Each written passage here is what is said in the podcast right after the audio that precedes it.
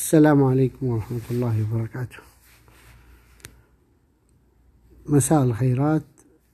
ما أعظم التوكل على الله سبحانه وتعالى في الرزق في الرزق. أن يسعى أحدنا بطلب الرزق. كما تغدو هذه الطيور خماصا أي جياعا وتعود بطانة.